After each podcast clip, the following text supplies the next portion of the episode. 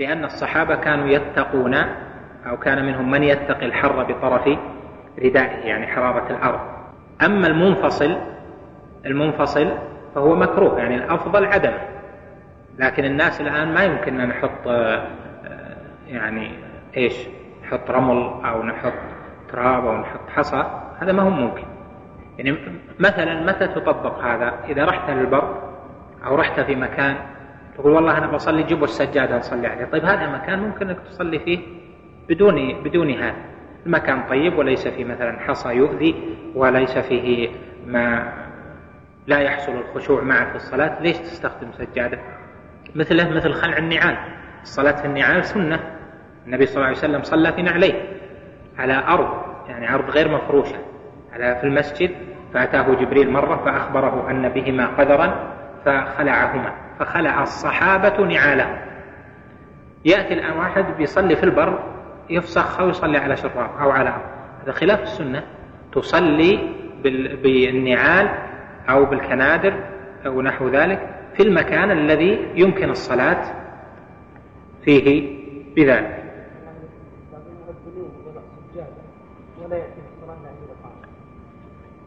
كيف يعني؟ يؤذن هو المؤذن الأصل فيه السنة أنه ليس وراء الإمام إنما يلي الإمام أولو الأحلام والنهى. كما صح عنه عليه الصلاة والسلام أنه قال ليلني منكم أولو الأحلام والنهى ثم الذين يلونهم ثم الذين يلونهم وكان بلال رضي الله عنه يقيم عند باب المسجد. ما يقيم؟ بين يدي النبي صلى الله عليه وسلم يقيم عند باب المسجد حتى يسمع من في السوق ومن في من خارج المسجد. وعليه قال عليه الصلاة والسلام إذا سمعتم الإقامة فلا تأتوا الصلاة وأنتم تسعون. وأتوها وأنتم تمشون فما أدركتم فصلوا وما فاتكم فأتموا. بلال كان يقيم وربما دخل النبي صلى الله عليه وسلم في الصلاة قبل فراغ بلال من الإقامة. وربما تأخر حتى يسوي الصفوف بعد فراغه من الإقامة. بلال كان يقول فيما رواه فيما هو في الترمذي أظن وفي غيره يا رسول الله لا تسبقني أو لا تفتني بآمين لأنه كان يؤذن برا ثم يأتي. لذلك السنة أن الإمام ما يكون وراء أن المؤذن ما يكون وراء الإمام. ليس مكان المؤذن وراء الإمام مباشرة. لكن قال طائفة من العلماء ومنهم فضيلة الشيخ محمد بن عثيمين وكذلك غيره هذه المسألة يرجع فيها إلى العرف. ما دام أن مكان الإقامة هو مكان الأذان لوجود الميكروفون لإيصال الإقامة وهذا المكان إنما هو وراء الإمام لأجل أن الإمام يصلي الصلاة. بذلك يعني بالميكروفون في داخل المسجد فإن هذا يعني أن مكانه عرفا أن يكون وراء الإمام. لو كان المؤذن يأتي ويؤذن ثم يذهب وراء الصفوف هذا آه، كان في ذلك نوع آه، انتقاص أو نوع عدم رعاية لحقه.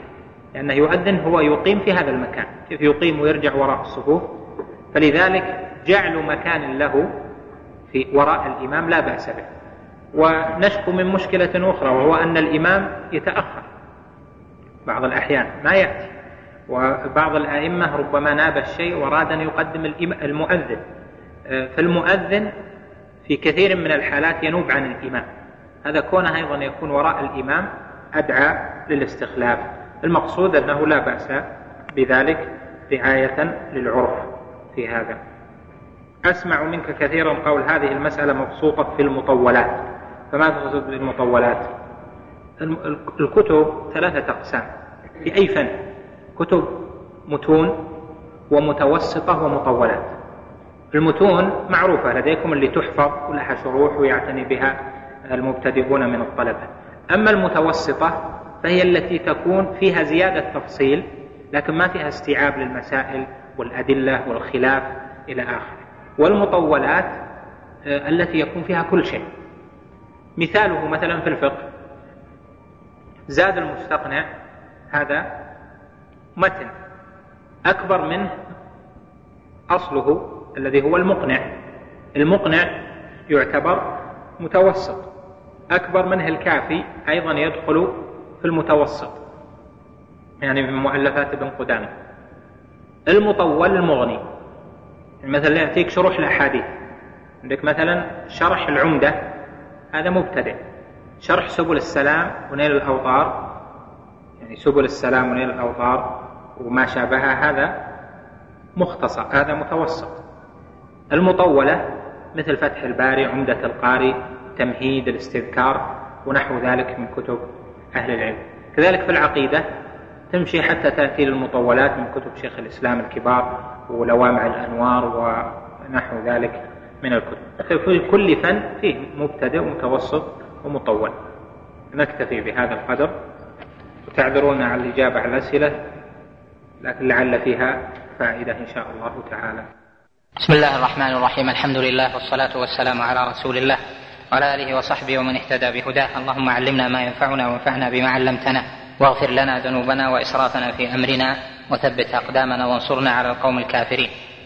أما بعد فيقول إذا كان لفظ الحنفي من ألفاظ الأضداد التي تطلق على الميل والاستقامة فلماذا لا يقال من الأصل إن إبراهيم عليه السلام كان مستقيما على التوحيد ولا يقال مائلا عن الشرك؟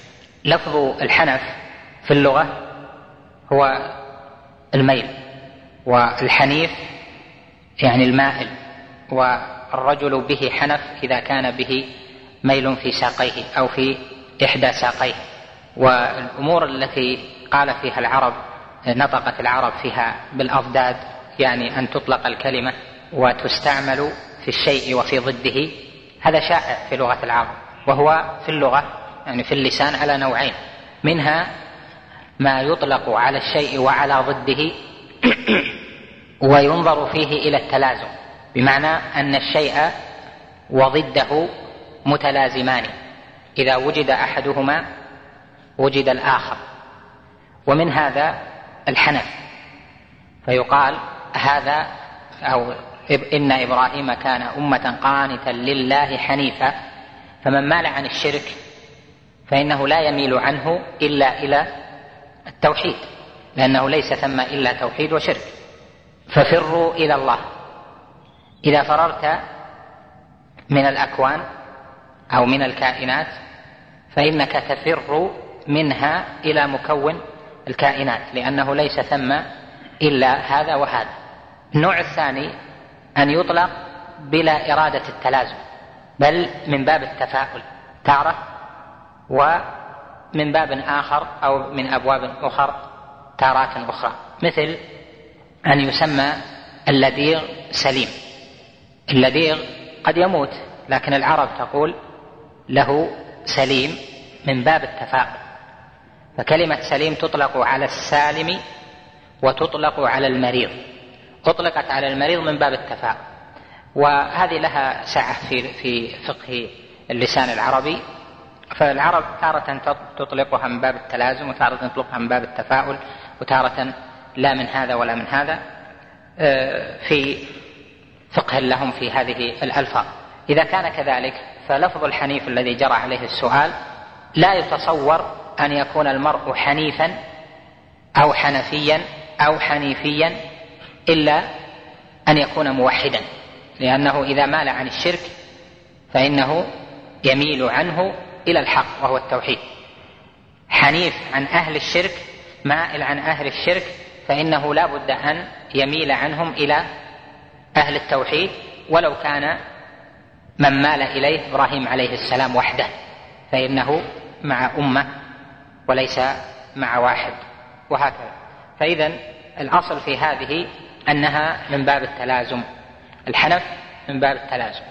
ومنها كلمة أيضا يطلقها أهل نجد وربما بعضكم سمعها وليسوا أهل نجد جميعا وإنما هم أهل الدعوة العامة منهم في أول الأمر. يقولون نحن أهل العوجة حنا أهل العوجة ينتخون بها. ما معنى العوجة؟ العوجة هذا هذا من أسماء كلمة التوحيد. من أسماء التوحيد أهل العوجة يعني أهل التوحيد أهل ملة إبراهيم أهل الحنيفية. لأنها عوجة عن طريق الشرك إلى إلى طريق أهل التوحيد. وهذا هو التفسير الصحيح الذي فيها مثل ما جاء في حديث وصف النبي صلى الله عليه وسلم في التوراة. السؤال الثاني يقول كم يساوي ربع الدينار في نصاب السرقة الذي كان على عهد رسول الله صلى الله عليه وسلم ثلاثة دراهم في هذه الأيام؟ الدينار تقريبا يعني آه، أو أنت احسبها من جهة أخرى نصاب الزكاة الذي جاء في الذهب أن النصاب كم؟ عشرون دينارا. عشرون دينار تبلغ من الجنيهات الذهب السعودية التي ضربت في عهد الملك عبد العزيز رحمه الله تبلغ أحد عشر جنيها وثلاثة أسباع الجنيه. من العشرين دينار تبلغ أحد عشر جنيها ثلاثة أسباع الجنيه. إذا الدينار أقل من من الجنيه صحيح؟ كم يبلغ؟ احسبها. الله من اللي شاطر في الحساب؟ أربعة أسباع. أربعة أسباع الجنيه. أليس كذلك؟ لأن 11 وثلاثة أسباع تطلع ثمانين على 11 فتطلع أربعة أسباع الجنيه. إذا فيكون الدينار أربعة أسباع الجنيه السعودي. ربع الدينار اقسمها عليها وتطلع لك النتيجة. مهم هذا لأن الدينار كفارة في في أشياء متعددة. طالب العلم يحسن به معرفة ذلك. هل الشرطة تقوم مقام الحاكم أو القاضي في مسألة تحريم الشفاعة في الحدود إذا بلغته أم لا؟ الشفاعة في الحدود أولا ما كان دون الحد فإنه يستحب إقالة أهل الشارة وأهل المكانة في المجتمع أن يقالوا ما دون الحدود ابتداء. وذلك لقوله عليه الصلاة والسلام أقيلوا ذوي الهيئات عثراتهم إلا الحدود. حتى ولو بلغت السلطان فإنه يقيل من كان من ذوي الهيئة. وذوي الهيئة في المجتمع من إذا أخذوا أو عزروا بما اقترفوا يكون ثم أثر على المجتمع لأنهم قدوة أو لأنهم أهل ولاية أو لأنهم أهل شارة والناس ينظرون إليهم. فالشريعة جاءت بتحصيل المصالح وتكميلها ودرء المفاسد وتقليلها. فما كان دون الحد مما فيه تعزير فإنه يستحب إقالة ذوي الهيئات عثراتهم. وأما الحدود فإنه لا يجامل فيها أحد. لكن إذا كان ثم شفاعة في حد من حدود الله جل وعلا فإنه لا بأس به قبل أن يصل إلى السلطان. فإذا بلغت الحدود السلطان فلعن الله الشافع ولعن المشفع. إذا بلغت الحدود السلطان يعني الإمام أو من ينيبه في الحكم القاضي الذي ينفذ الأمر ويحكم عليه. وما قبل ذلك فإن الشفاعة مطلوبة. لما؟ لأن الشفاعة الشفاعة مأذون بها. لأن الشفاعة ترجع إلى أصل الستر على المسلم. وقبل أن يصل إلى السلطان أو إلى القاضي فهو في مظنة الخفاء. الحد في مظنة الخفاء. فإذا كان في مظنة الخفاء ولم يطلع عليه الناس فالستر فيه أولى. وهذا الدليل عليه أن النبي صلى الله عليه وسلم لما سرقت المخزومية وأتي بها شفع من شفع في ذلك فقال هلا هل كان قبل أن قبل أن تأتوني بها؟ وأيم الله لو أن فاطمة بنت محمد سرقت لقطعت يدها. استدل أهل العلم بذلك على أن الشفاعة على أن الشفاعة لا بأس بها إذا كان فيها مصلحة إذا كانت قبل أن تصل المسألة أو الجرم إلى السلطان أو إلى القاضي الذي يحكم بالأمر. أما الشرط الشرط فلا يدخلون في ذلك لأن الشرط إنما هم لحفظ الأمر أو للإمساك على المجرم وليست جهة قضائية ولا جهة آه، تنفيذية قبل حكم الإمام أو حكم نائبه. والله أعلم. اقرأ. بسم الله الرحمن الرحيم. الحمد لله رب العالمين. والصلاة والسلام على أشرف الأنبياء والمرسلين نبينا محمد وعلى آله وصحبه أجمعين. قال العلامة الطحاوي رحمه الله تعالى والأمن والإياس ينقلان عن ملة الإسلام وسبيل الحق بينهما لأهل القبلة. قال رحمه الله والأمن والإياس ينقلان عن ملة الإسلام وسبيل الحق بينهما لأهل القبلة. يقرر العلامة الطحاوي رحمه الله في هذا وسطية أهل السنة والجماعة في هذا الأمر العظيم وهو الأمن من مكر الله واليأس من روح الله جل جلاله وأن اليأس هذا سبيل الكافرين والأمن من مكر الله سبيل أهل الشهوات الذين لا يرقبون الله جل وعلا ولا يرقبون صفات الرب جل جلاله. والدليل على هذا الأصل قول الله جل وعلا في الكافرين في اليأس لا ييأس من روح الله إلا القوم الكافرون. في قول يعقوب عليه السلام لما قال لبنيه يا بني اذهبوا فتحسسوا من يوسف وأخيه ولا تيأسوا من روح الله إنه لا ييأس من روح الله إلا القوم الكافرون. فنهاهم عن اليأس من روح الله وعلل ذلك بأن هذا من خصال الكافرين. وأما الأمن فالأمن من مكر الله جل وعلا جاء في جاء النهي عنه في غير ما آية منها قوله تعالى في سورة الأعراف أفأمنوا مكر الله؟ فلا يأمن مكر الله إلا القوم الخاسرون. والأمن من مكر الله كفر واليأس من روح الله كفر أيضا كما ذكر قال ينقلان عن ملة الإسلام لأن الله جل وعلا وصف الكافرين والخاسرين الذين استحقوا العقوبة منه والعذاب بأنهم يأمنون من مكر الله وييأسون من روح الله جل وعلا. وأما أهل السنة والجماعة فهم لا يأمنون بل يخافون ذنوبهم ويخافون عقوبة الله جل وعلا ويعلمون أن الله سبحانه خافته ملائكته وهم أقرب الأقربين وهم المقربون إليه جل وعلا المطهرون من دنس الآثام ومن رجس الذنوب ويخافون ربهم كما قال يخافون ربهم من فوقهم ويفعلون ما يؤمرون وكما قال حتى إذا فزع عن قلوبهم قالوا ماذا قال ربكم؟ قال الحق وهو العلي الكبير. واليأس أيضا من روح الله هذا صفة أهل القنوط. فأهل السنة والجماعة بين هؤلاء وهؤلاء. لا يأمنون بل يخافون الله جل وعلا ولا ييأسون بل يرجون.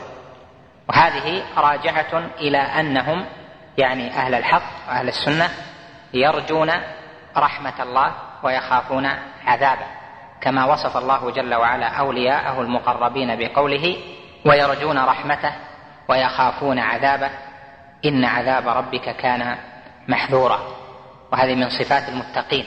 وكذلك في قوله في سورة الأنبياء إنهم كانوا يسارعون في الخيرات ويدعوننا رغبا ورهبا. فجمع لهم بين الرغب والرهب. إذا تبين ذلك فإن الأمن والإياس ردة عن الدين كما قال ينقلان عن ملة الإسلام بضابط. ومن المهم معرفة هذا الضابط لأنه هو نكتة المسألة وعقدتها وهو أن الأمن يكون كفرا إذا انعدم الخوف واليأس يكون كفرا إذا انعدم الرجاء فمن لم يكن معه خوف من الله جل وعلا أصلا يعني أصل الخوف غير موجود فقد أمن فهو كافر. ومن لم يكن معه رجاء في الله جل وعلا أصلا فقد يئس من روح الله فهو كافر. اذا الأمن والإياس مرتبطان بل معناهما الخوف والرجاء. الأمن لأجل عدم الخوف واليأس لأجل عدم الرجاء. فمن كان عنده من كان عنده خوف قليل ويأمن كثيرا فإنه من أهل الذنوب لا من أهل الكفر. فإن لم يكن معه خوف أصلا فإنه كافر. بالله جل وعلا كما قال هنا ينقلان عن ملة الإسلام. أما أهل التوحيد أهل الذنوب من أهل القبلة فإنهم بقدر ما عندهم من الذنوب يكون يكون عندهم أمن من مكر الله جل وعلا. فإذا الأمن من مكر الله يتبعض. لا يوجد جميعا ويذهب جميعا بل قد يكون في حق المعين أنه يخاف تارة ويأمن تارة يصحو تارة ويغفل تارة. وكذلك في اليأس من روح الله يغلب على المرء الموحد تارة أنه ييأس إذا نظر إلى ذنبه أو نظر إلى ما يحصل في مجتمعه أو ينظر إلى ما قضى الله جل وعلا في هذه الأرض وعلى أهلها. من الشرك مثلا أو من الذنوب أو من الكبائر أو من القتل أو من الفساد فيأتيه يأس. فإن غلب عليه اليأس بحيث انعدم الرجاء لنفسه أو للناس فإنه يكفر بذلك. أما إذا وجد عنده اليأس ووجد عنده رجاء فإنه لا يخرج من الملة. فإذا هنا ضابط الأمن والإياس الذي ينقل عن الملة هو ما ذكرته لك. وأما الموحد المعين من أهل الإيمان فإنه يجتمع فيه بحسب قوة يقينه يجتمع فيه أن أنه يعني قد يكون عنده أمن بحسب ذنوبه. ومن كمل الإيمان وحقق التوحيد فإنه يخاف ولا يأمن من عذاب الله جل وعلا ولا يأمن من مكر الله. والأمن من مكر الله يعني الأمن من استدراج الله جل وعلا للعباد. قد وصف الله جل وعلا بعض عباده بقوله سنستدرجهم من حيث لا يعلمون وأملي لهم إن كيدي متين. هذا الاستدراج يحدث الأمن وما عذبت أمة إلا وقد أمنت لأن الله جل وعلا يبلوهم بالخيرات ويبلوهم بالسيئات ويبلوهم بالشر والخير فتنة ثم هم لا يتوبون ولا هم يذكرون. فإذا وقع منهم الأمن وقعت عليهم العقوبة نسأل الله جل وعلا لنا ولإخواننا العفو والعافية. فهذا ضابط المسألة وسبيل الحق بينهما لأهل القبلة. إذا تبين ذلك فالواجب على كل موحد كل مؤمن أن يعظم في قلبه جانب الخوف من الله جل وعلا. فلا يفلح من أمن الله على نفسه طرفة عين. الله جل وعلا يقلب القلوب ويقلب الأبصار. وقال في وصف الأولين ونقلب أفئدتهم وأبصارهم كما لم يؤمنوا به أول مرة ونذرهم في طغيانهم يعمهون. يرى العبد أن الخيرات تنفتح عليه وهو مقيم على ذنب على الذنوب وهو مقيم على المعاصي وهو مقيم على الكبائر سواء كان العبد فردا أم كان مجتمعا. بنو إسرائيل ادعوا أنهم أحباب الله جل وعلا وأنهم أبناؤه وأنه لا يعذبهم. ولو حصل لهم تعذيب فإنما تمسهم النار فإنما تمسهم النار اياما معدودة. والله جل وعلا عاقب بني إسرائيل العقوبة العظيمة ولعنهم حيث قال سبحانه في سورة المائدة لعن الذين كفروا من بني إسرائيل على لسان داود وعيسى بن مريم ذلك بما عصوا وكانوا يعتدون كانوا لا يتناهون عن منكر فعلوه لبئس ما كانوا يفعلون الآيات. فالواجب اذا على الموحد أن يخاف ذنبه ولا يأس من روح الله. كل أحد يذنب ولكن إذا أذنب استغفر. يخاف ذنبه يخشى أن الله جل وعلا لم يقبل توبته لم يقبل آه، حوبته لم يقبل إنابته. يرجو رحمة الله جل وعلا ويخاف ذنوبه. فما اجتمع هذان في قلب أحد إلا ونجا وهو رجاء الرحمة وخوف الذنوب. وهذا هو سبيل الحق الذي هو بين الأمن والإياس لأهل القبلة. أسأل الله جل وعلا أن يجعلني وإياكم من الراغبين الراهبين الخاشعين وأن يجنبنا الأمن كما نساله أن يجنبنا الإياس فإنه سبحانه على كل شيء قدير. نعم. ولا يخرج العبد من الإيمان إلا بجحود ما أدخله فيه. قال ولا يخرج العبد من الإيمان إلا بجحود ما أدخله فيه. يريد بذلك أن أهل السنة والجماعة خالفوا الخوارج والمعتزلة الذين يوجبون للعبد النار والخوارج الذين يكفرون بالذنوب. فقال إن العبد لا يخرج من الإيمان بعد أن دخل فيه وصار مؤمنا إلا بجحود ما أدخله فيه. وهذا لأجل أن أعظم المسائل التي يتضح فيها الخروج من الإيمان هو الجحد. وإلا فهذا الحصر غير مراد للمؤلف كما سيأتي إن شاء الله تعالى. فإذا هذه الجملة فيها بيان بمخالفة المكفرين بالذنوب من الخوارج وأشباههم أو ال... الذين يحكمون على مرتكب الكبيرة بأنه خالد مخلد في النار من الخوارج والمعتزلة ومن شابههم. إذا تبين هذا فهذه الجملة المهمة فيها مسائل. المسألة الأولى دليل هذه الجملة دليلها الإجماع إجماع أهل السنة والجماعة على أن من دخل في الإيمان بيقين فإنه لا يخرج منه إلا بأمر متيقن مماثل لما يعني في اليقين لما به دخل في الإيمان. وهذا الإجماع له أدلته من كتاب الله جل وعلا ومن سنة رسوله صلى الله عليه وسلم. المسألة الثانية هذا الحصر في كلام المؤلف ليس مرادا في أنه يقول لا يخرج أحد من الإيمان إلا بالجحد فينفي التكفير أو الحكم بالردة بالاستحلال أو بالإعراض أو بالشك أو بغير ذلك مما يحكم على من أتى به مع قيام الشروط وانتفاء الموانع بالردة. ودليل عدم إرادته للحصر أنه ذكر في المسألة السالفة التي مضت أن المؤلف تبع أن المؤلف تبع لأهل السنة لا يكفر بذنب لا يكفر أحدا من أهل القبلة بذنب ما لم يستحله فقال في المسألة التي مرت علينا قريبا ولا نكفر أحدا من أهل القبلة بذنب ما لم يستحله. واستحلال الذنب غير الجحد. هذا صورة والجحد صورة فدل على أن الطحاوي لا يريد بالجحد الحصر ففيه رد على من حصر الردة أو الكفر بالتكذيب أو بالجحد. المسألة الثالثة الجحد من الكلمات التي استعملت في القرآن أو التي جاءت في القرآن ولها دلالتها في لغة العرب. فدلالة الجحد في اللغة الجحد هو الرد والإنكار.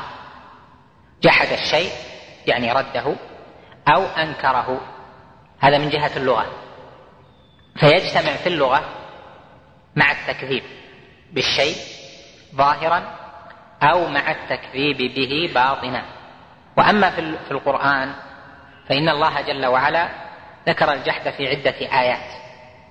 وبين أن الجحد يجتمع مع التكذيب. أن الجحد قد يجتمع مع التكذيب وقد لا يجتمع مع التكذيب. قال جل وعلا في سورة الأنعام فإنهم في وصف المشركين فإنهم لا يكذبونك ولكن الظالمين بآيات الله يجحدون. ولقد كذبت رسل من قبلك فصبروا على ما كذبوا وأوذوا حتى أتاهم أمرنا ولا مبدل لكلمات الله ولا مبدل لكلمات الله ولقد جاءك من نبأ المرسلين. الآية فدل بالآيات فدل على أنهم لم يكذبوا وجحدوا. ولهذا حقيقة الجحد عند أهل السنة والجماعة مرتبطة بالقول. لأجل هذه الآية قال فإنهم لا يكذبونك يعني باطنا ولكن الظالمين بآيات الله يجحدون يعني ظاهرا وهذا مرتبط بالقول لأنهم ردوا على النبي عليه الصلاة والسلام. والخوارج ذهبوا إلى أن الجحد يكون بالقول وبالفعل معا. فعندهم أن الجحد يكون بالقول كقول أهل السنة ويكون أيضا بالفعل فيدل الفعل على جحده. وهذا خلاف ما أجمع عليه أهل السنة والجماعة من أن الجحد ليس مورده الفعل لأن الفعل محتمل يدخله التأويل ويدخله الخطأ ويدخله أشياء كثيرة. وأما القول فإنه يقين وواضح لأنه دخل في الإيمان بالقول بقول لا إله إلا الله محمد رسول الله. فلا يخرج منه إلا بجحود ما أدخله فيه. والجحد آه، وما أدخله فيه كان قولا أعلنه وجحد ما أدخله فيه هو رده وتكذيبه أو إنكاره لما دخل فيه. وهذه الكلمة كلمة الجحد من الكلمات التي يحصل فيها خلط وخلل والواجب الرجوع في فهمها إلى دلالة الكتاب والسنة وإلى ما أجمع عليه سلف الأمة. المسألة الرابعة والأخيرة أهل السنة والجماعة رحمهم الله تعالى في تأصيل قولهم في الإيمان الذي سيأتي في المسألة التي بعدها خالفوا الخوارج والمرجئة. وفي خروجهم في إخراجهم الواحد من أهل القبلة من الإيمان أيضا خالفوا الخوارج والمرجئة. لهذا ثم ارتباط ما بين الدخول والخروج من جهة اليقين.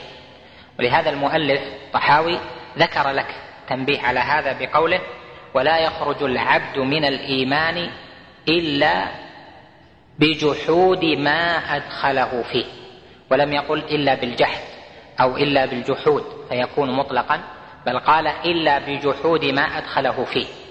وذلك لأنه إذا ثبت الأمر بيقين لم يزل بالشك بل لا بد في زواله من يقين يماثل الأول.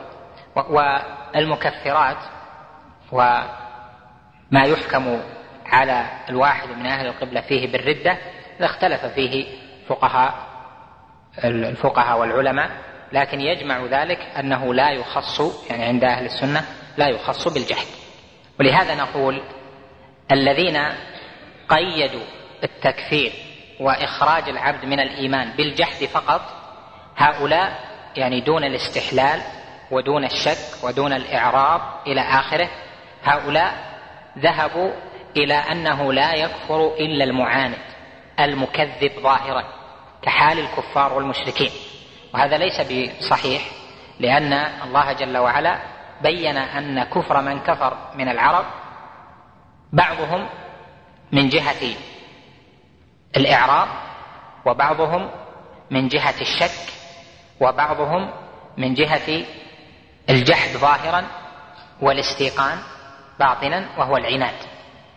ولهذا نقول إن المرجئة هم الذين قالوا لا كفر أو لا يخرج المرء من الدين إلا بالتكذيب فقط. لا بد من التكذيب. والتكذيب قد يكون مع الجحد وقد يكون الجحد بلا تكذيب كما نصت عليه الآية. فإنهم لا يكذبونك ولكن الظالمين بآيات الله يجحدون. إذا تبين هذا فأصل قول المرجئة في الإيمان كما سيأتي أن الإيمان أصله الاعتقاد. فلذلك جعلوا المخرج منه التكذيب. ومن أضاف الاعتقاد والقول جعل المخرج التكذيب والجحد. مثل كلام الطحاوي هنا لأنه يأتي أن الإيمان عنده هو الإقرار باللسان والتصديق بالجنان. فيجعل التكذيب مخرجا ويجعل الجحد مخرجا لعلاقة التكذيب بالاعتقاد وعلاقة الجحد بالإقرار باللسان.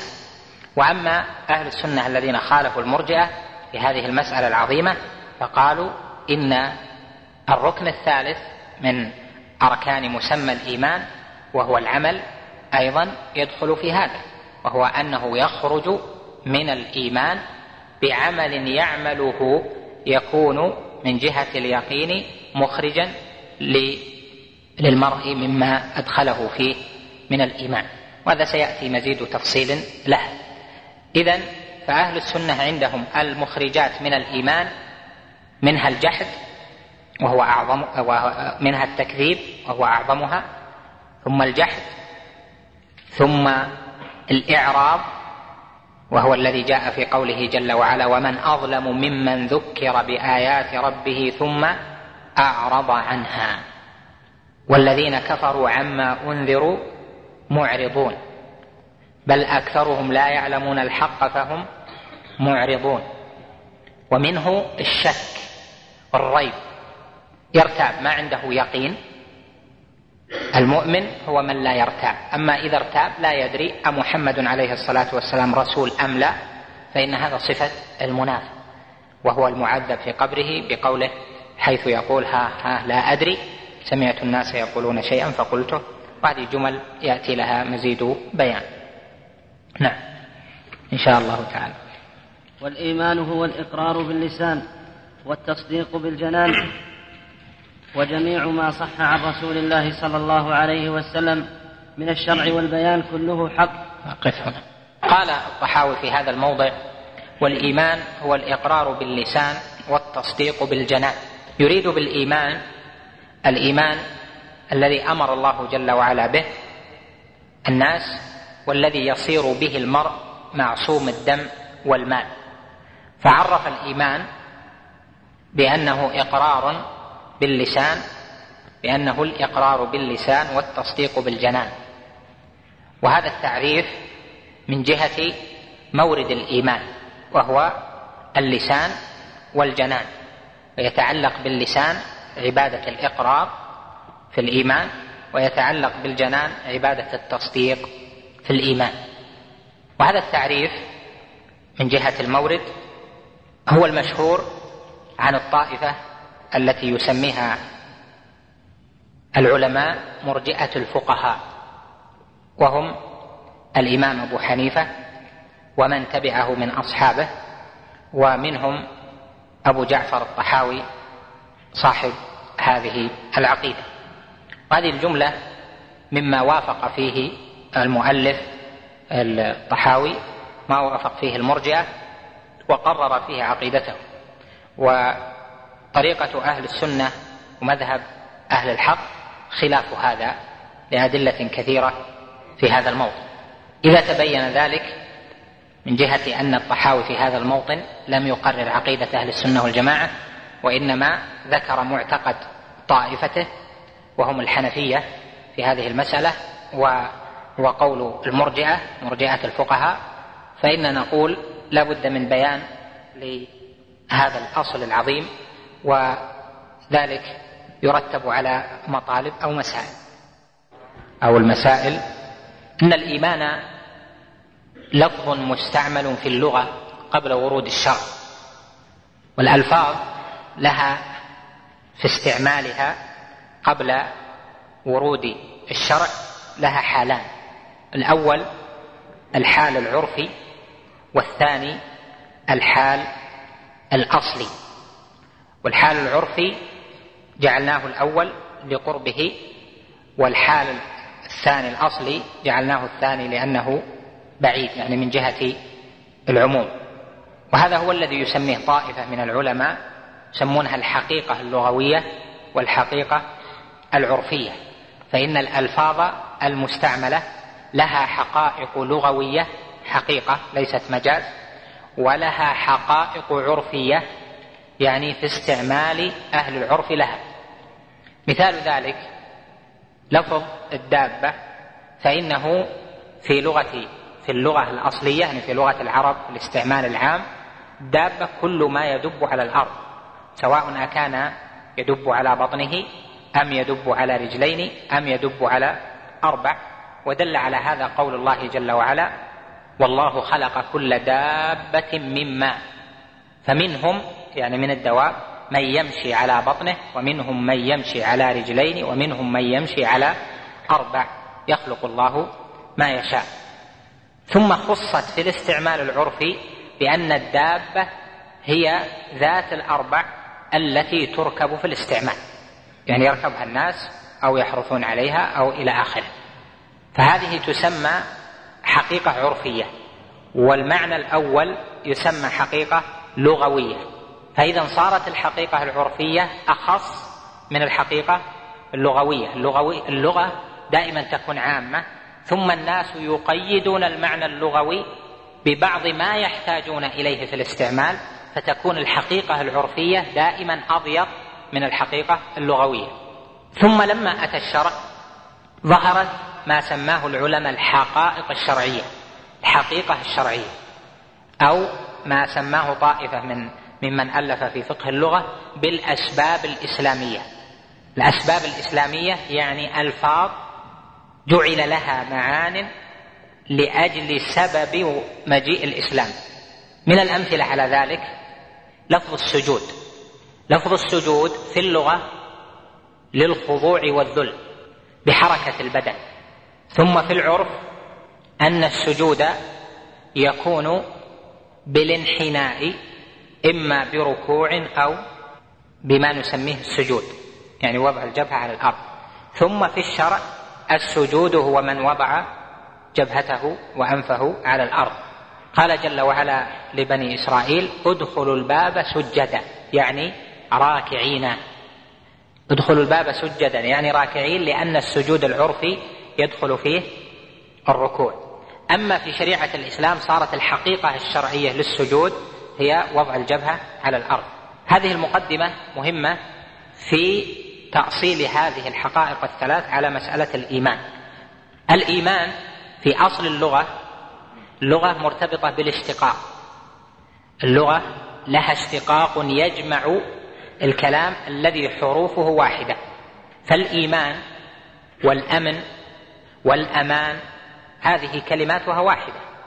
أمن وأمان وإيمان فاشتقاقها من حيث الأصل واحد. ولهذا الإيمان يرجع إلى الأمن في اللغة.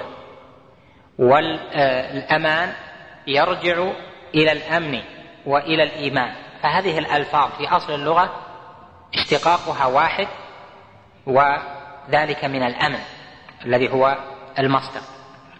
ما علاقة الإيمان في اللغة بالأمن؟ يعني في دلالة اللغة. لأنه من آمن فقد آمن. آمن بالشيء آمن على نفسه. آمن يعني صدق استسلم أطاع إلى آخره فإنه يعتبر مستسلما.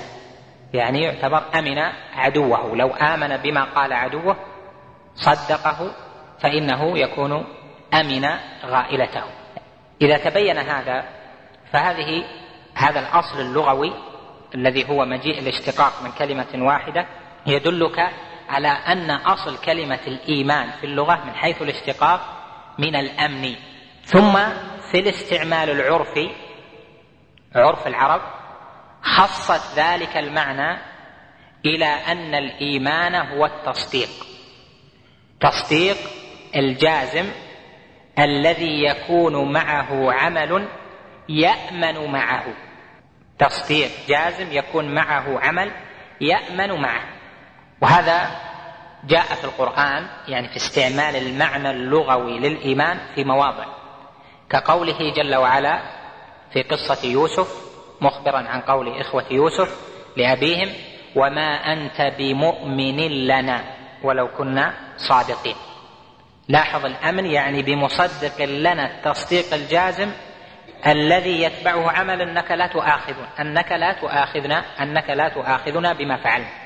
قال بل سولت لكم أنفسكم أمرا فما أعطاهم الأمن. كذلك قال جل وعلا في قصة إبراهيم عليه السلام فآمن له لوط. آمن له لوط يعني صدقه تصديقا جازما تبعه عمل له بحيث يأمن من العذاب الذي توعد به إبراهيم قومه. كذلك في وصف النبي صلى الله عليه وسلم في سورة براءة قال ويؤمن للمؤمنين. يؤمن أي يصدقهم فيما يقولون فيأمنون معه. عقوبة النبي عليه الصلاة والسلام. إذا فالأمن فالإيمان في اللغة استعمل ويراد به التصديق الجازم الذي يكون معه عمل يأمن معه لأنه في صلة دائما بين بين المعنى العرفي الحقيقة العرفية والحقيقة اللغوية. جاء الشرع فأمر الناس بالإيمان. أمر الله جل وعلا الناس بالإيمان. فهذا الإيمان فيه كما ذكرنا لك أن الحقيقة العرفية تخصيص للحقيقة اللغوية والحقيقة الشرعية أسباب زائدة فيها زيادة عن الحقيقة العرفية. قد تكون تخصيصا لها وقد تكون رجوع إلى أصل المعنى اللغوي وتكون أوسع منها. فالإيمان في الشرع جاء بأنه متجه إلى الإيمان بالله وملائكته وكتاب وكتبه ورسله. إلى آخر أركان الإيمان الستة. وهذا الإيمان بالله وملائكته وكتبه ورسله واليوم الآخر عرفنا منه أنه لا يكون إلا بعمل ولا يكون إلا بإقرار ولا يكون إلا بتصديق. قال جل وعلا آمن الرسول بما أنزل إليه من ربه والمؤمنون كل آمن بالله وملائكته وكتبه ورسله. يا أيها الذين آمنوا آمنوا بالله ورسوله والكتاب الذي نزل على رسوله والكتاب الذي أنزل من قبل ومن يكفر بالله وملائكته وكتبه ورسله واليوم الآخر فقد ضل ضلالا بعيدا. يا أيها الذين آمنوا بل ليس البر أن تولوا وجوهكم قبل المشرق والمغرب ولكن البر من آمن بالله واليوم الآخر والملائكة والكتاب والنبيين وآتى المال على حبه ذوي القربى الآية. إنما المؤمنون الذين إذا ذكر الله وجلت قلوبهم وإذا تليت عليهم آياته زادتهم إيمانا وعلى ربهم يتوكلون. فاذا وصف الله جل وعلا المطلوب من المؤمن بأن المؤمن مؤمن بالله وملائكته وكتبه ورسله وأيضا أنه يعمل وأيضا أنه يقول بلسانه. ولهذا جعل الله جل وعلا الصلاة للدلالة على هذا الأصل جعل الصلاة هي الإيمان. فقال سبحانه وما كان الله ليضيع إيمانكم. نحن الآن نبحث من من جهة إيش؟ لغوية من جهة تاصيليه للكلمة لا من جهة تعريف. وما كان الله ليضيع إيمانكم. هذا استعمال استعمال لكلمة الإيمان ويراد بها الصلاة. فهذا الصلاة هي الإيمان. معنى هذا هذا تخصيص لأنه تصديق. فهو ليس تصديقا. فقط بل الإيمان صار صلاة. اذا هذا من جهة الاستعمال اللغوي زاد على العرف ورجع إلى سعة اللغة وهو تخصيص في الواقع للتصديق ببعض ما آه، يشمله التصديق الذي يتبعه عنه إذا تبين هذا فيظهر لك أن الإيمان في الشرع نقل عن الإيمان في العرف كما أن الإيمان في العرف نقل عن الإيمان في اللغة. فتأصيل الإيمان على أنه في اللغة هو إقرار وتصديق ليس صحيحا لأن الإيمان في اللغة أعم من ذلك مثل ما ذكرنا لك. الإيمان ما يجلب الأمن من عمل من إقرار من تصديق من تصرف من موالاة كل ما يجلب الأمن فهو إيمان.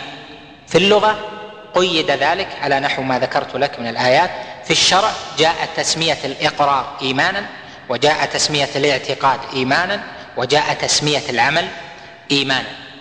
فإذا من حيث الدلالة اللغوية والدلالة العرفية والدلالة الشرعية تبين لك أن هناك اختلاف في معنى الإيمان. المرجئة مع أهل السنة في هذه المسألة اختلفوا وهذا الاختلاف طويل الذيول كما هو معلوم لكنهم اتفقوا من حيث الأصول أصول الفقه على أن الكلمة إذا اعتراها هذه الأمور الثلاثة الحقيقة اللغويه والشرعية والعرفية اتفق الجميع الحنفية مع الشافعية والمالكية والحنابلة وغيره اتفقوا على أن تقدم الشرعية. لماذا؟ لأن الألفاظ الشرعية تخصيص. فلا يقول الحنفية إن الذين قالوا في الإيمان بهذا التعريف لا يقولون إن السجود إذا أمر به فإنه يصلح بالركوع.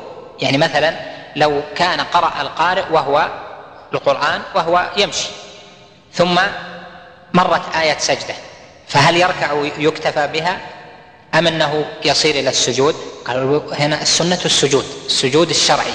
لماذا؟ لأنه لأن السجود جاء بهذا اللفظ الشرعي وبينته السنة فإذا يكون هو المراد لا السجود العرفي. المسألة لها نظائر في في الفقه وفي العقيدة وفي اللغة بعامة. فإذا نقول اجتمعوا على أن الحقيقة الشرعية مقدمة وثم هل تقدم اللغوية أو العرفية؟ خلاف بينهم. لهذا نقول ما دام أن الجميع اتفقوا على تقديم الحقيقة الشرعية فما هي أدلة الحقيقة الشرعية في الإيمان؟ الأدلة على ذلك آه، يطول الكلام عليها ونرجئها يعني مع تفصيلات الكلام والمذاهب في الدرس القادم لكن نكمل المقدمات. أنا أريدك تفهم مسألة الإيمان لأنها مسألة مشكلة وكثير ممن خاض فيها في هذا العصر. ما أدرك حقيقة الفرق ما بين قول أهل السنة وقول المرجئة في هذا الباب. المسألة الثانية الإيمان في اللغة هو التصديق الجازم كما ذكرنا لك الذي يتبعه عمل يأمن معه المؤمن الغائلة أو العقوبة إلى آخر. وقولنا التصديق الذي معه عمل هذا تحصيل حاصل. لأنه إذا كان الشيء يلزم منه العمل فإنه لا يطلق في اللغة على من صدق به مصدقا حتى يعمل. فمن قال أنا مصدق بهذا الشيء واحد جاء وقال ترى سيارتك الآن تسرق. قال جزاك الله خير. الآن فيها لك فيها فلوس ولك فيها أشياء ترى الآن تسرق. قال جزاك الله خير. وجلس ما تحرك.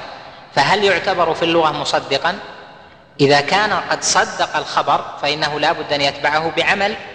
يدل على صدقه لأن الناس ما يفرطون بأموالهم ولا يفرطون بما فيه قوام حياتهم. فإذا مكث وقال أنا مصدق وهو ما ذهب ما أتبعه عمل فلا يسمى مصدقا في اللغة ليس في الشرع لا يسمى مصدقا في اللغة. ودل على هذا الأصل آه، قول الله جل وعلا في قصة إبراهيم الخليل مع ابنه إسماعيل في سورة الصافات قال يا بني إني أرى في المنام أني أذبحك. فانظر ماذا ترى. قال يا أبت افعل ما تؤمر ستجدني إن شاء الله من الصابرين. فلما أسلم وتله للجبين لاحظ العمل. فلما ولما انتبه لكلمة لما. فلما أسلم وتله للجبين وناديناه أي يا إبراهيم قد صدقت الرؤيا. الرؤيا رؤيا الأنبياء حق. فإذا رآها النبي صدق بها أنها وحي من الله جل وعلا. لكن متى صار مصدقا بالرؤيا؟ لما امتثل دلالتها. فلما أسلم وتله للجبين وناديناه أي يا إبراهيم قد صدقت الرؤيا. هذا تصديق لغوي وهو أيضا تصديق شرعي. اذا فالإيمان في اللغة ولو في العرف في الحقيقة العرفية ولو أرجعناه إلى التصديق فإن حقيقة التصديق أن يكون معه عمل. فلا يسمى مصدقا من ليس يعمل أصلا فيما صدق به. المسألة الثالثة يمكن أن يضبط ما جاء في القرآن من استعمال الإيمان في الحقيقة اللغوية والعرفية والشرعية. يمكن أن يضبط بضابط وهو أنه إذا اقترن بالإيمان الأمن أو كانت الدلالة عليه فإن المراد به سعه سعة المعنى اللغوي. وإذا عدي الإيمان باللام في القرآن أو في السنة فإن المراد به الإيمان العرفي يعني اللغوي العرفي. وإذا عدي الإيمان بالباء فإنه يراد به الإيمان الشرعي. وهذه كل واحدة لها طائفة من الأدلة تدل عليها. الذين آمنوا ولم يلبسوا إيمانهم بظلم أولئك لهم الأمن وهم مهتدون. آمنوا ولم يلبسوا إيمانهم بظلم أولئك لهم الأمن. هذا دلالة على عموم المعنى اللغوي. المعنى العرفي وما أنت بمؤمن لنا لاحظ التعدية باللام. بمؤمن لنا. فآمن له لوط ويؤمن للمؤمنين. النبي صلى الله عليه وسلم يؤمن للمؤمنين. هذا المعنى العرفي. آمن الرسول بما أنزل إليه. لاحظ الباء. عدي بالباء للدلاله الشرعية. لماذا اختلف؟ اختلفت التعدية. لأن المطلوب اختلف. كيف؟ الإيمان اللغوي دام ما دام أنه تصديق فتقول العرب صدق لفلان. تعدد باللام. صدق لفلان. وتقول صدق بكذا. أيضا فتعديه بالباء. لكن الإيمان الشرعي آمن بكذا. لاحظ التعدية. مضمن أقر بكذا. أقر تتعدى بالباء في اللغة. أليس كذلك؟ أقر بكذا. صحيحه عمل بكذا. صحيحه صدق بكذا. صحيحه ولهذا لما عدي الإيمان في اللغة بالباء علمنا أنه ضمن المعنى الاصلي في اللغة وزيادة تصلح للتعدية بالباء. فالمعنى اللغوي يتعدى باللام. فلماذا عدي بالباء تفريقا ما بين الإيمان الشرعي والإيمان اللغوي؟ هو تضمين العمل للإيمان الذي هو زيادة على ما جاء في المعنى العرفي هذا كثير في القرآن وفي اللغة أنه يأتي الفعل ويراد به ويراد منه معنى ثم تختلف التعدية بالحرف فيضمن الفعل معنى فعل آخر. أنا بضرب له مثالا حاضر عندكم جميعا وإن كان آه، يعني الأمثلة كثيرة لكن لقربه منكم. مثلا تعلمون قول ابن القيم وابن تيمية وعدد من مشايخنا حفظ الله الجميع ورحم الأموات.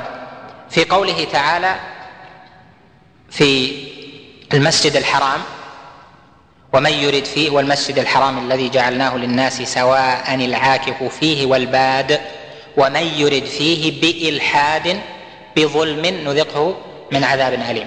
قالوا هنا معنى الإرادة إيش؟ الهم يعني الهم الجازم. لماذا؟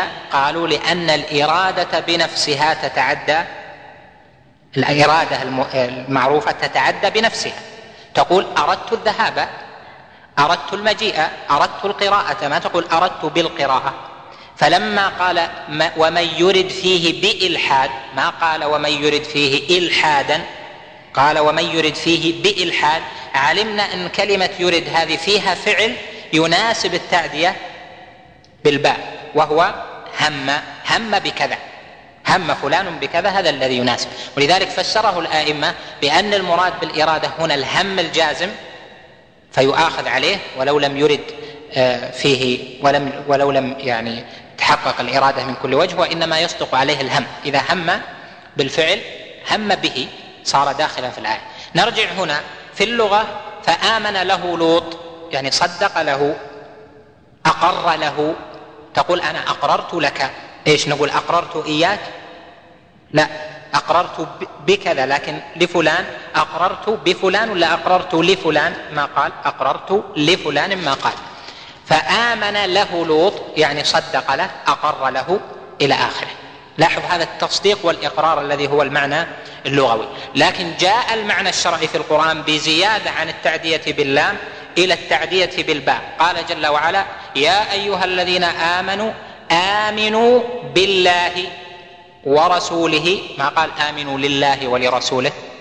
مع أنه قال في النبي صلى الله عليه وسلم ويؤمنوا للمؤمنين. وقال في لوط فآمن له لوط. قال آمنوا بالله وبرسول وآمنوا بالله ورسوله والكتاب الذي نزل على رسوله إلى آخره. ومن يكفر بالله وملائكته ورسله. فإذا دلنا على أن هذا المعنى هو المعنى اللغوي وزيادة عليه ما دخل فيه مما يناسب التعدية بالباء وهو وهو العمل. تقول عملت بكذا يعني آمنت بكذا فعملت به. آمنت بأن الأمر واقع فعملت به يعني عملت بما آمنت. فلذلك دخلت زيادة تعدية الباء لتدلنا على أن العمل دخل في مسمى الإيمان أصلا وهذه يأتي لها مزيد تفصيل في الأدلة إن شاء الله تعالى.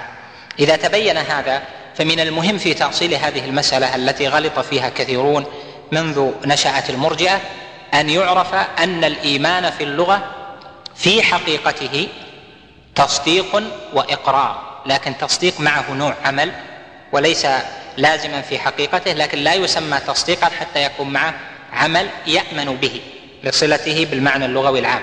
أما في الشرع فهو إقرار وتصديق وعمل لأن الشرع جاء بزيادة عن المعنى اللغوي في هذه المسألة العظيمة.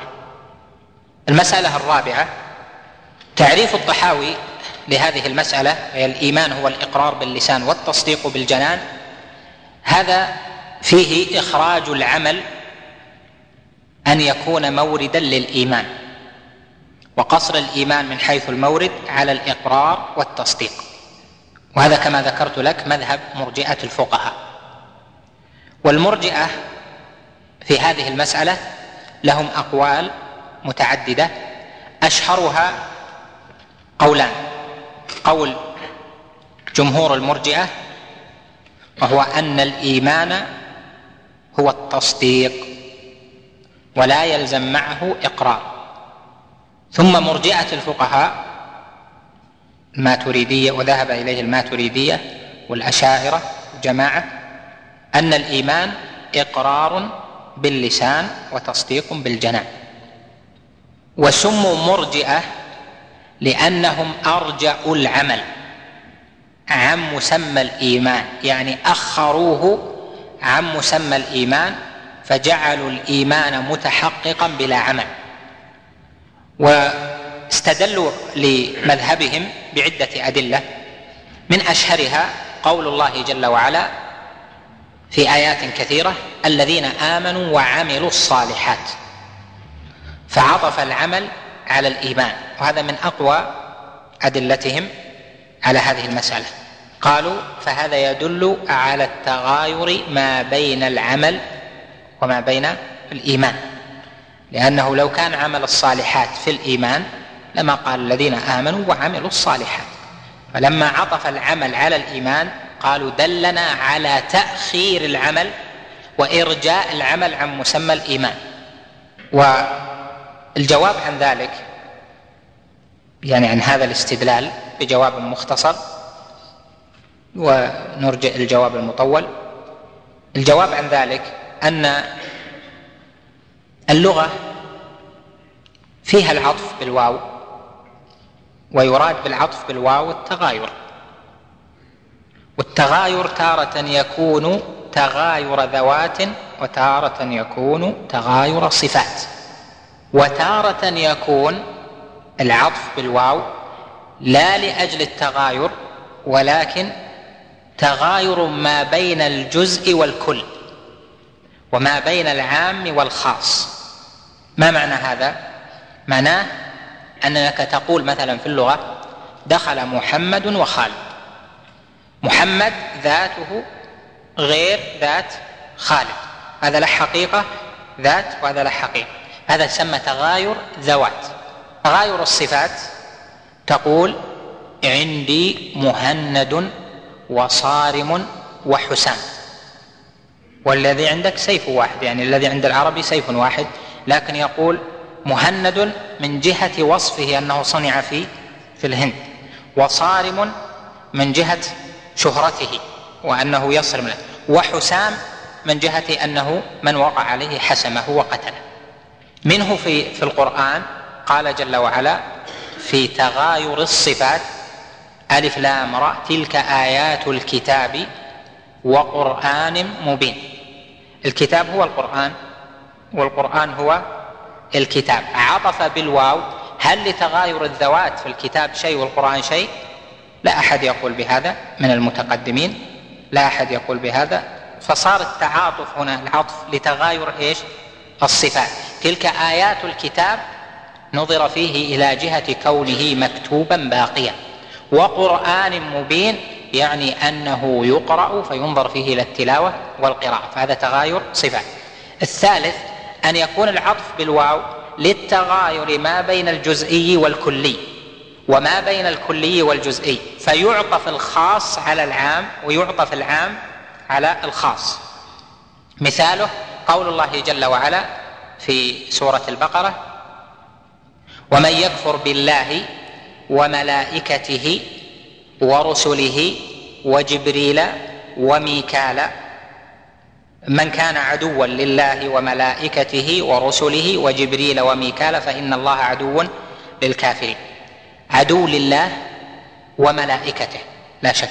الملائكة غير غير الله جل وعلا. الملائكة مخلوقة والرب جل وعلا. ومالك الملك وخالق الخلق. وملائكته ورسله الرسل منهم رسل من الملائكة ومنهم رسل من الله يصطفي من الملائكة رسلا ومن الناس. فالرسل هنا أعم من الملائكة لأن منهم الرسل من الملائكة ومنهم الرسل من البشر. فاذا هنا صار عطفا عطف الكل على على الجزء. ثم قال وجبريل وميكال جبريل وميكال من الرسل أو لا؟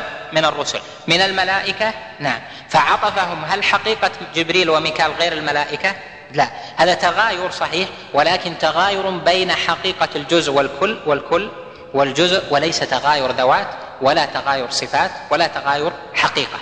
ومن هذا عطف الخاص على العام لأجل التغاير ما بين الجزء والكل في قوله الذين آمنوا وعملوا الصالحات. والعصر إن الإنسان لفي خسر إلا الذين آمنوا وعملوا الصالحات. إن الذين آمنوا وعملوا الصالحات كانت لهم جنات الفردوس نزلا إن الذين آمنوا وعملوا الصالحات سيجعل لهم الرحمن ودا. الذين آمنوا وعملوا الايات كثيرة آمنوا وعملوا الصالحات. عطف العمل على الإيمان لأجل هذا وإلا فهو داخل في حقيقته هنا لماذا يخص الخاص بالذكر بعد العام؟ لأجل التنبيه على شرفه. العرب تعطف الخاص على العام وتغاير في هذا لأجل التنبيه على شرف ما ذكر. لأنك بتقول مثلا جاني مثلا جاءني المشايخ. تقول جاءني المشايخ تقول جاءني المشايخ وسماحة الشيخ عبد العزيز. هذا هو من المشايخ؟ لكن هنا للتنبيه على شرف إنه هو المقصود. جاءك المشايخ جميعا وجاءك المقصود أو المقدم فيهم والأكبر إلى آخره تنبيها على شرفه ومنزلته إلى آخره. فإذا الاستدلال بهذا هذا جواب مختصر ونذكر لكم بقية الأدلة والإجابة عليها فيما يأتي. أنا أردت بهذا التطويل اللغوي آه، تأصيل المسألة لكم لأن آه، مسألة الإيمان خاض فيها كثيرون في هذا العصر كتبوا فيها كتابات سواء في في الإيمان أو في التكفير وهم لم يدركوا حقيقة مذهب أهل السنة والجماعة في هذه المسألة فمنهم من أدخل مذاهب المرجئة في مذهب أهل السنة وقصر الكفر على التكذيب والإيمان على التصديق آه، إما قولا أو باللازم. ومنهم من ذهب إلى أن الإيمان قول و واعتقاد وأن العمل ليس من الإيمان أصلا كما هو قول المرجئة. والأقوال في هذا متعددة. نسأل الله جل وعلا أن يثبتني وإياكم على طريقة أئمتنا وأن يكف عنا الشر وأن لا يخذلنا وأن ينور بصائرنا وبصائر أحبابنا إنه جواد كريم. نكتفي بهذا القدر ونكمل المرة القادمة إن شاء الله. وفقكم الله صلى الله وسلم على نبينا محمد. بسم الله الرحمن الرحيم. الحمد لله حق حمده وأشهد أن لا إله إلا الله وحده لا شريك له وأشهد أن محمدا عبده ورسوله صلى الله عليه وعلى آله وصحبه وسلم تسليما كثيرا. أما بعد فأسأل الله جل جلاله أن يجمع لي ولك بين العلم والعمل وبين الصدق في الاعتقاد والصدق في القول والصدق في الأعمال. اللهم هيئ لنا من أمرنا رشدا واجعل دعاءنا مسموعا وقلبنا لك خاشعا خضوعا يا أرحم الراحمين. كنا نتكلم في الدرس الأخير قبل رمضان عن مسائل الإيمان.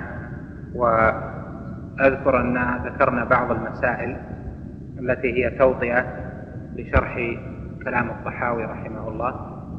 نبتدئ بسماع المتن. اقرأ.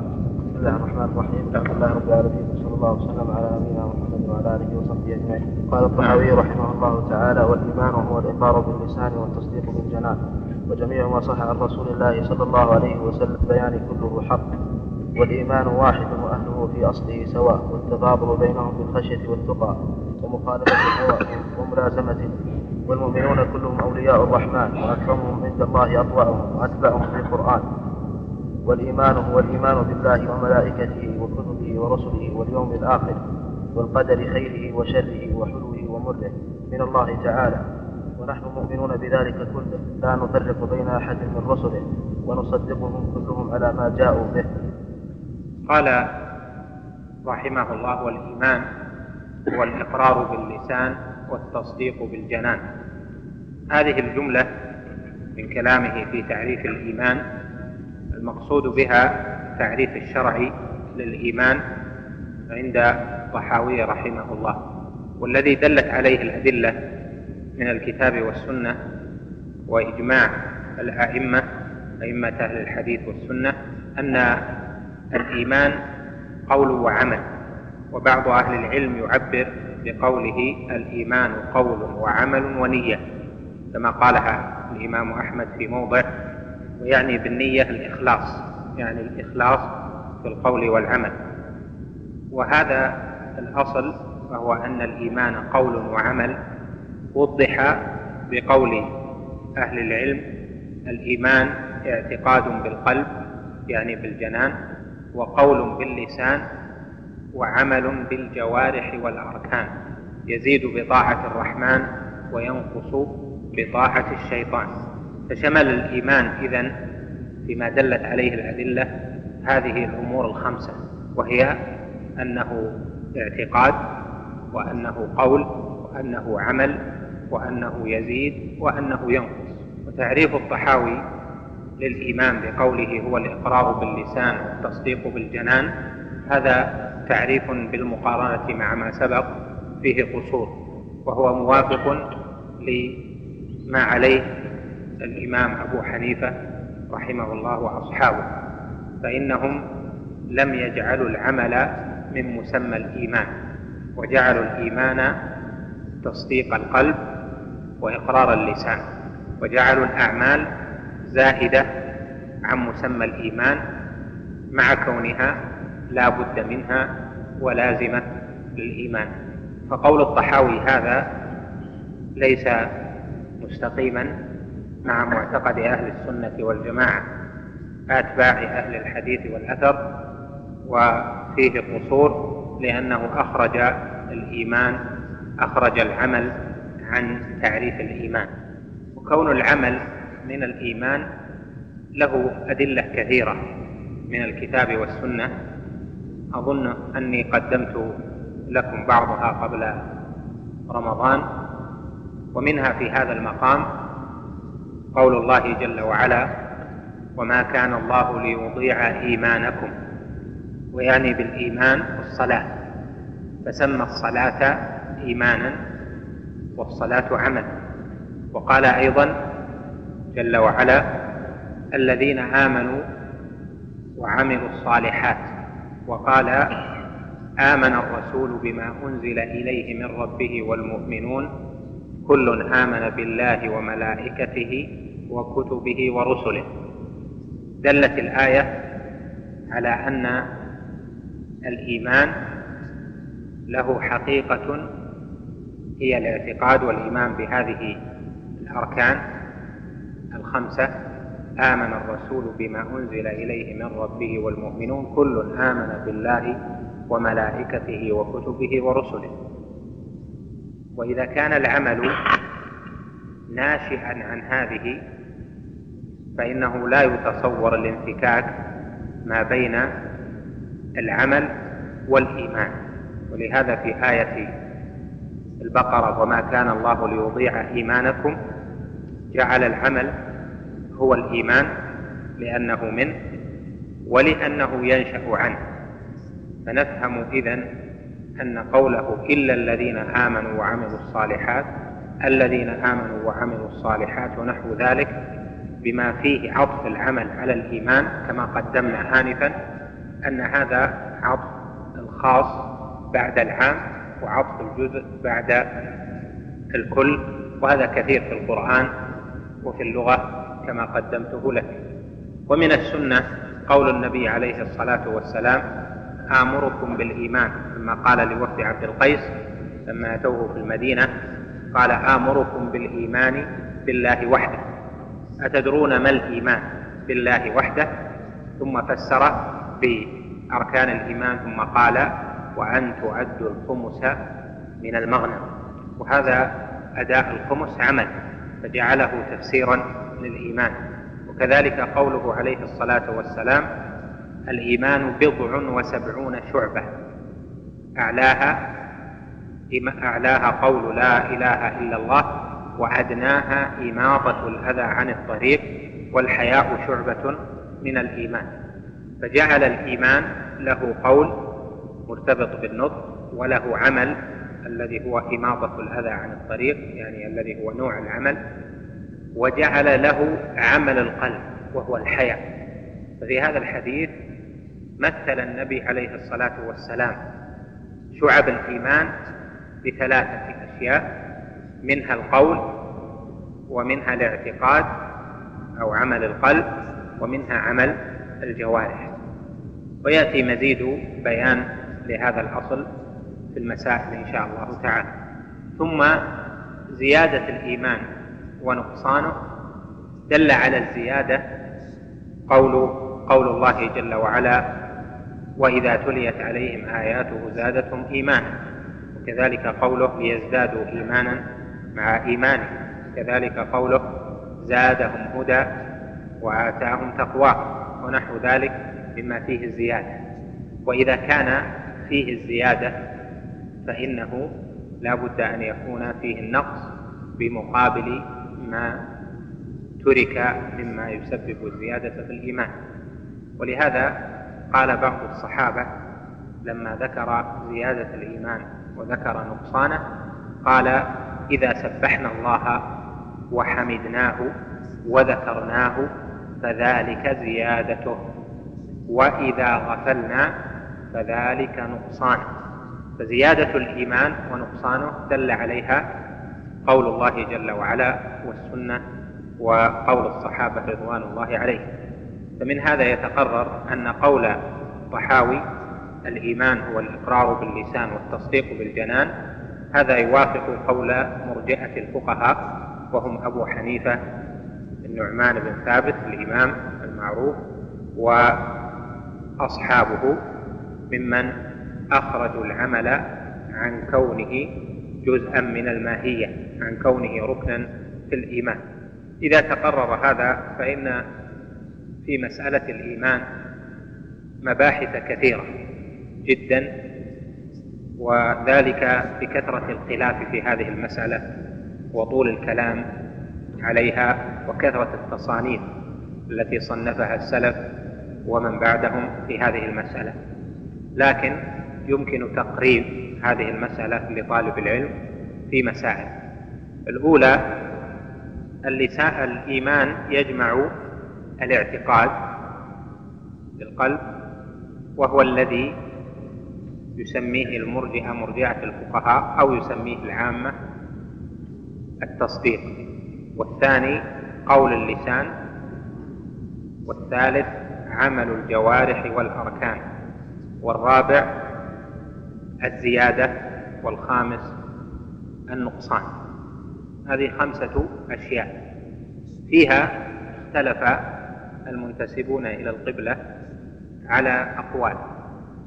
القول الأول وأن الإيمان تصديق فقط وهذا هو قول جمهور الأشاعرة وهو قول أيضا أبي منصور الماتريدي والماتريدية بعامة وهذا مبني منهم على أن القول ينشأ عن التصديق وعلى أن العمل ينشأ عن التصديق فنظروا إلى أصله في اللغة بحسب ظنهم وإلى ما يترتب عليه فجعلوه التصديق فقط واستدلوا له بعدة أدلة مما فيه أن الإيمان تصديق كقوله آمن الرسول بما أنزل إليه من ربه والمؤمنون كل آمن بالله وملائكته وكتبه ورسله. وهذه أمور غيبية والإيمان بها يعني التصديق بها. وغير ذلك من الأدلة التي فيها حصر الإيمان بالغيبيات والإيمان بالغيبيات يفهم على أنه التصديق. وهؤلاء يسمون المرجئة وهم المشهورون بهذا الاسم ومن المرجئة طائفة غالية جدا وهم الذين جعلوا الإيمان ليس التصديق بالقلب ولكن هو المعرفة بالقلب وهو القول المنسوب إلى الجهمية وغلاة الصوفية كابن عربي ونحوه ممن صنفوا في إيمان فرعون. الفئة الثانية أو الفرقة الثانية هم من قال إن الإيمان قول باللسان فقط. هؤلاء يسمون الكرامية التشديد الكرامية ينسبون إلى محمد بن كرام. هذا يقول الإيمان هو الإقرار باللسان. لما؟ قال لأن الله جل وعلا جعل المنافقين مخاطبين باسم الإيمان في آيات القرآن. فإذا نودي المؤمنون في القرآن فيدخل في الخطاب أهل النفاق والمنافقون إنما أقروا بلسانهم ولم يصدقوا بقلوبهم فدخلوا في اسم الإيمان. لهذا الأمر. المذهب الثالث ومذهب الخوارج والمعتزلة بل قبله المذهب الثالث هو مذهب مرجئة الفقهاء الذين قالوا إن الإيمان قول باللسان وتصديق بالجنان وهو قول أبي حنيفة وأصحابه إقرار باللسان وتصديق بالجنان ويجعلون أن الناس في التصديق كما سيأتي وفي أعمال القلوب أنهم واحد. فأعمال القلوب التي أصلها التصديق عندهم شيء واحد والعمل ليس من الإيمان عندهم يعني من حقيقة الإيمان وإن كان لا بد منه في تحقيق الإيمان. بخلاف أهل القولين السابقين الماتريديه والاشاعره والكرامية فإنهم يقولون أنه لو وافى بلا عمل فإنه ناجح. لو لم يعمل قط فإنه ينجو. وأما مرجئة الفقهاء فيقولون لا بد له من العمل فإذا ترك العمل فهو فاسق لكن لا يدخلونه في مسمى الإيمان. وأظن شبهتهم نص أبي حنيفة في هذه المسألة وهو بناه على أن الذين خوطبوا بالإيمان هم المؤمنون والمنافقون. والمنافقون ليس لهم عمل عملهم باطل وإنما أقروا باللسان فقط. وأن والمؤمنون مصدقون مقرون. فجمع لهم ما بين يعني بين الطائفتين ما بين الإقرار باللسان والتصديق بالجنان يعني في الخطاب الظاهر. وأما الأعمال فالحساب عليها آخر. ومن أدلتهم الأصل اللغوي الذي هو حسب ما قالوا أنه الإيمان هو التصديق والإقرار أخذ من زيادة في الشريعة لأنه لا بد من قول لا إله إلا الله محمد رسول الله. الرابع وقول الخوارج والمعتزلة هو أن الإيمان اعتقاد بالجنان أو تصديق بالجنان وإقرار باللسان وعمل بالجوارح وهذا العمل عندهم بكل مأمور به والانتهاء عن كل منهي عنه. فما أمر به وجوبا فيدخل في مسمى الإيمان بمفرده وما نهي عنه تحريما فيدخل في مسمى الإيمان بمفرده. يعني أن كل واجب يدخل في مسمى الإيمان على حدة فيكون جزءا وركنا في الإيمان. وكل محرم يدخل في الانتهاء عنه يدخل في مسمى الإيمان بمفرده. وبناء على ذلك قالوا فإذا ترك واجبا فإنه يكفر. وإذا فعل محرما من الكبائر فإنه يكفر لأن الجزء الإيمان ركن الإيمان ذهب. فعندهم أن هذا العمل جزء واحد. إذا فقد بعضه فقد جميعه. وبينهم خلاف يعني بين الخوارج والمعتزلة في من استحق النار في الآخرة. ماذا يسمى في الدنيا؟ على قول المعروف عندهم وهو أنه في الدنيا عند الخوارج يسمى كافر وعند المعتزلة هو في منزلة بين المنزلتين لا يقال مؤمن ولا يقال كافر مع اتفاقهم على أنه في النار يخلد فيها لاتفاء الإيمان في حقه الخامس وقول أهل الحديث والأثر وقول صحابة رسول الله صلى الله عليه وسلم وهو أن الإيمان اعتقاد ومن الاعتقاد التصديق وقول باللسان وهو إعلان لا إله إلا الله محمد رسول الله وعمل بالأركان وأنه يزيد وينقص. ويعنون بالعمل جنس العمل يعني أن يكون عنده جنس طاعة وعمل لله جل وعلا. فالعمل عندهم الذي هو ركن الإيمان ليس شيئا واحدا. إذا وجد بعضه وجد جميعه إذا ذهب بعضه ذهب جميعه. أو إذا وجد بعضه وجد جميعه. بل هذا العمل مركب من أشياء كثيرة لا بد من وجود جنس العمل. وهل هذا العمل الصلاة أو هو أي عمل من الأعمال الصالحة بامتثال الواجب؟ طاعة وترك المحرم طاعة.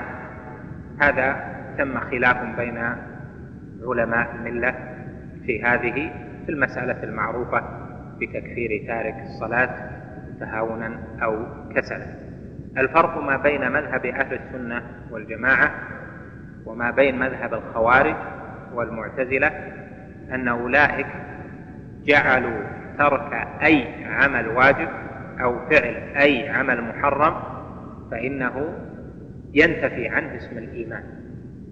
وأهل السنة قالوا يشترط العمل العمل ركن وجزء من الماهية لكن هذا العمل أبعاض يتفاوت وأجزاء. إذا فات بعضه أو ذهب جزء منه فإنه لا يذهب كله. فيكون المراد من الاشتراط جنس العمل. يعني أن يوجد منه عمل صالح ظاهرا بأركانه وجوارحه يدل على أن تصديقه الباطن وعمل القلب الباطن على أنه استسلم به ظاهرا. وهذا متصل بمسألة الإيمان والإسلام فإنه لا يتصور وجود إسلام ظاهر بلا إيمان كما أنه لا يتصور وجود إيمان باطن بلا نوع استسلام لله جل وعلا بالانقياد له بنوع طاعة ظاهرة المسألة الثانية الطحاوي هنا ترك العمل يعني ما ذكر العمل في مسمى الإيمان. وكما ذكرت لك أن العمل عند أهل السنة والجماعة داخل في مسمى الإيمان وفي ماهيته وهو ركن من أركانه. والفرق بينهما يعني بين قول مرجعة الفقهاء وهو الذي قرره الطحاوي وبين قول أهل السنة والجماعة أتباع الحديث والأثر الفرق بينهما من العلماء من قال إنه صوري لا حقيقة له يعني لا يترتب عليه خلاف في الاعتقاد ومنهم من قال لا هو صوري هو معنوي وحقيقي. ولبيان ذلك لأن الشارح ابن أبي العز رحمه الله على جلالة قدره وعلو كعبه ومتابعته للسنة ولأهل السنة والحديث فإنه قرر أن الخلاف لفظي وصوري. وسبب ذلك أن جهة النظر إلى الخلاف منفكة فمنهم من ينظر إلى الخلاف بأثره في التكفير. ومنهم من ينظر إلى الخلاف بأثره في الاعتقاد. فمن نظر إلى الخلاف بأثره في التكفير. أخي المستمع الكريم تابع ما تبقى من مادة هذا الشريط على الشريط التالي. مع تحيات تسجيلات الراية الإسلامية بالرياض هاتف رقم أربعة تسعة واحد واحد تسعة ثمانية خمسة. والسلام عليكم ورحمة الله وبركاته.